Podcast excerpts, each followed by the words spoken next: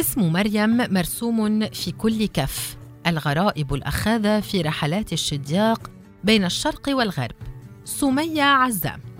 لم تكن الأسفار بالنسبة إلى اللغوي والأديب اللبناني فارس الشدياق 1804-1887 رحلات بين الأمكنة سعياً وراء رزق أو منصب أو مهمة يكلف بها فحسب بل كانت عنصراً فاعلاً في تكوين شخصيته وفلسفته في الحياة. وفي تحوله العقدي الديني أكثر من مرة وتشكيل ثقافة يمكن اعتبار أي باب من أبوابها بحثاً قائماً بذاته. فمن مدرسة عين ورقة اللبنانية الشهيرة في زمانها إلى مصر فجزيرة مالطا ومن ثم إلى بلاد الإنجليز والفرنسيين فاستقرارا في الأستانة العثمانية معرجا على تونس بحيث بات اسمه أحمد فارس الشجاق. ليعود بعد طول ترحال جثمانا يصلى عليه في الجامع العماري الكبير ويدفن في ضريح يعلوه هلال في منطقة لبنانية محايدة تدعى الحازمية حيث مدفن البشوات العثمانيين المسيحيين. هذا النهضوي صاحب الكتاب النقدي الجاسوس على القاموس عمل على إحياء اللغة العربية في القرن التاسع عشر ولم يقصر اهتمامه على التعمق في أسرارها بل عرف اللغتين الإنجليزية والفرنسية فضلاً عن السريانية. رحل إلى مصر وكتب في جريدة الوقائع المصرية وسرعان ما استدعاه المرسلون الأمريكيون ليعمل في إدارة مطبعتهم في مالطا مشرفا على أعمال التصحيح. تنقل في بلاد أوروبية مدة عشر سنوات بعد إقامته في أربعة عشر عاما لتأتي ثمرة هذه الرحلات تعريبه كتاب التوراة. وتحرير كتابين في أدب الرحلة هما الواسطة في معرفة أحوال مالطا وكشف المخبأ عن فنون أوروبا. في الأستانة حيث أنشأ جريدة الجوائب سنة 1860 وقد استمرت 23 سنة اهتم بطبع كتب شتى قديمة في الفقه والأدب والتاريخ استخرجها من مكتباتها. وثق في كتابه الساق على الساق فيما هو الفرياق سيرته الذاتية بلغة أدبية ساخرة من غير أن يغفل وضع ملاحظاته اللغوية في جل ما كتب. والملاحظة في العنوان نحت اسمه وشهرته فارس الشدياق في كنية تكنى بها وهي الفارياق. ألحق بعض الجغرافيين مالطا بأفريقيا على غرار بارثولومي وبعضهم الآخر ألحقها بأوروبا وتحديدا بجزائر إيطاليا نظرا إلى عادات أهلها ومعتقدهم الديني وأحوالهم. والقائل بهذا الرأي الأخير بالينوس وسترابوس. كانت نوتابولي قاعدتها عاصمتها قبل فالتا. ووفق المصادر التاريخية التي اعتمدها الشجاق وما تدل عليه الآثار في الجزيرة فقد تعاقب على الاستقرار فيها الفينيقيون الآتون من جهات صيدا وصور اللبنانيتين عام 1519 قبل الميلاد فالإغريق ثم القرطاجيون فالرومان ثم المسلمون إلى أن أتى الفرنسيون انتهاء بحكم الإنجليز لها. يتوقف أمام لغة المالطيين فيراها عربية فاسدة أو محرفة وهي غير مدونة ولا مضبوطة الأحكام النحوية. ويبخس الرأي القائل بأنها فينيقية لدخول بعض ألفاظها فيها. وإنما يلحق المالطيون نسبهم بالفينيقيين لاتصاف هؤلاء بالجد ولكونهم أرباب تجارة.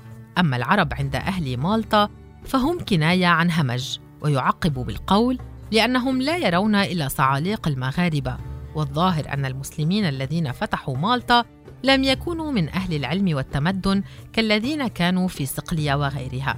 يتابع: أي لغة في العالم لابد وأن يدخلها بعض الألفاظ الأجنبية لحاجة إليها أو لتقارب أهل اللغتين واختلاطهما كالعرب والفرس مثلاً. وإن كانت اللغة المالطية فرعاً من العربية، فالمالطيون يتعلمون الإيطالية لتداولها في المعاملات والتجارات والقوانين، والإنجليزية لكونها لغة أرباب الحكم. فالخلط بين اللغات في الجمل المحكية عام لديهم. أما أي فرع من فروع العربية فيقدر الفرياق أن العبارات الدينية أخذت من أهل الشام مثل القداس والقديس والتقرب والأسقف. وفيما عدا ذلك فالغالب عليها ألفاظ من المغرب العربي.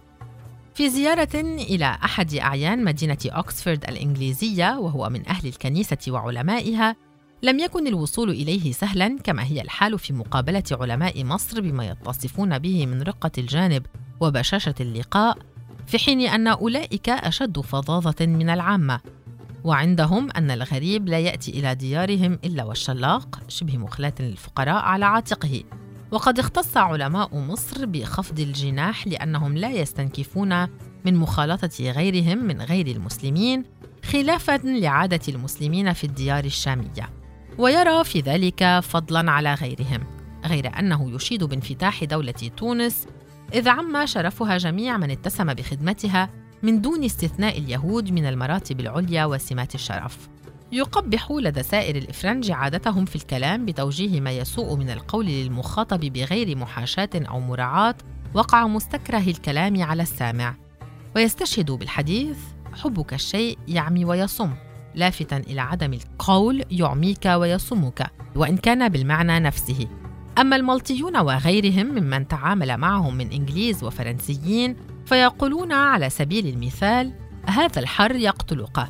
هذا التراب يعميك وغير ذلك مما يقتضي فيه الإطلاق.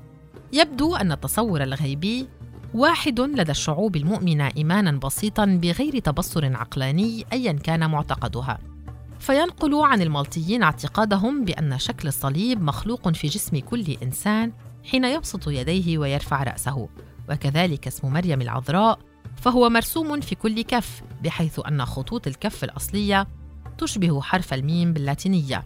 وبالمثل فقد وجد في بعض الكتب العربية ما مفاده أن اسم النبي محمد مكتوب في كل جسد.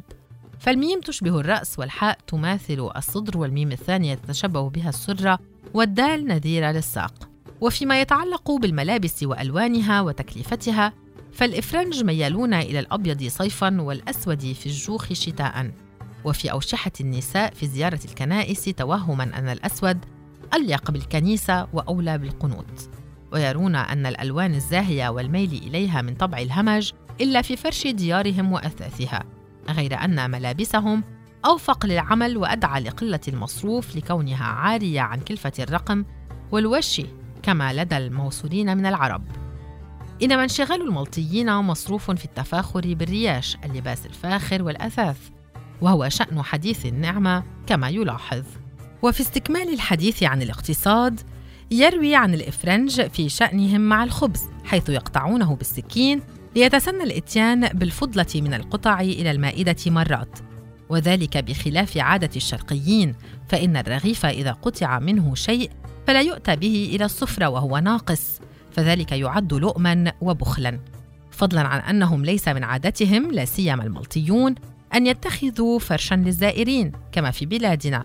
وعلى الرغم من تلهي هؤلاء في السفاسف الأمور التافهة والغيبة فإن من طبعهم جميعا الكدح والتدبير فلا يتحملون ضنق العيش محافظة على عادات قديمة ضارة ولا النفقات الزائدة في الأعياد والزواج. لا يفتأ الشدياق يعقد مقارنة بين الألحان والمقامات والآلات الموسيقية والأوزان الشعرية ليس بين العرب والمالطيين والإنجليز والفرنسيين فحسب، بل بين المشرقيين والمغاربة في العالم العربي أيضاً. فعلى الرغم من أن الفن الموسيقي يعول على ملكة الذوق فيعجب من جعل الإفرنج ترجيع الصوت معتمداً على علامات ونقوش معلومة النوتات تمكن عشرين عازفاً من متابعتها متابعة واحدة ويصنف الألحان الإفرنجية في أربعة أنواع فيما يتغنى به في الملاهي ويراها الأفضل بما يشبه الموشحات عند العرب وآخر يشبه ما يرتل به في الكنائس وثالث يغنى به في المحزنات يماثل النجوى. أما الرابع فيحضر في المضحكات والمحاورات بحيث يكثر فيه النبر على أن الارتجال من سمات الغناء العربي بغير تقييد بعلامات لا سيما في المواليات أو المواويل فضلا عن تنويعهم في المقامات. والإفرنج لا تبرز براعتهم إلا في مقام الرست أو الرست الذي يجي بينما الأصوات العربية تبدع في مقامات السيكا المفرح والصبا والبيات المحزنين والحجاز المنعش. وإذا فاتتهم آلة العود وناي القصب فإن أجى آلة لدى الإفرنج هي الكنشارتينا وهي فرع من فروع الأورجن ونحو من المنفخ يفتح ويطبق لعله الأكورديون. ويعلق على رقة الأنغام الصادرة عنها بالقول كلما رقت طباع الناس ولطفت أخلاقهم كانوا إلى المحاضرة في مضمار الطرب أسبق ويستطرد مقتبسا مما أورده إسحاق بن إبراهيم الموصلي في أن شر الغناء الوسط لأن الأعلى منه يطرب والدني يضحك ويعجب. أما الوسط فلا يطرب ولا يضحك. ومما لاحظه الفارياق أن أكثر العميان في مالطا صنعتهم العزف بالآلات وللموسيقى دور بارز في التهنئة احتفاء بزواج أو ولادة أو رتبة أو أي مكسب. غير أن المالطيين كما يصفهم مذبذبون في الغناء كما في غيره فلا هم كالإفرنج ولا كالعرب.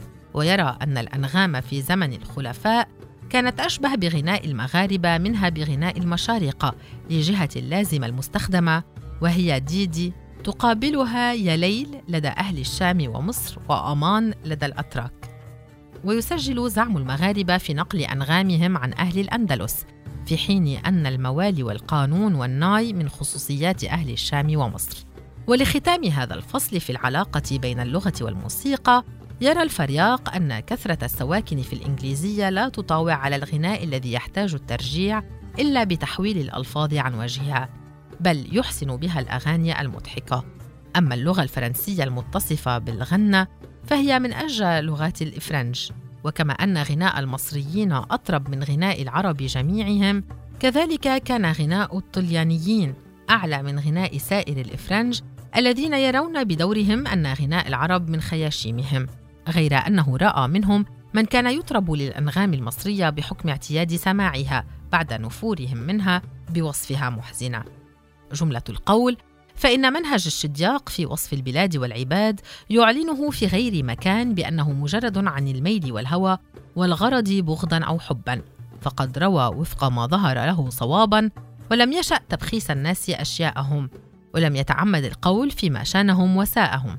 ويكاد يجزم أن من الإنصاف أن ينظر الناقد إلى الجانب الأنفع ويقابله بغيره ليحكم بالفضل لما يرى النفع فيه أكثر من ضره.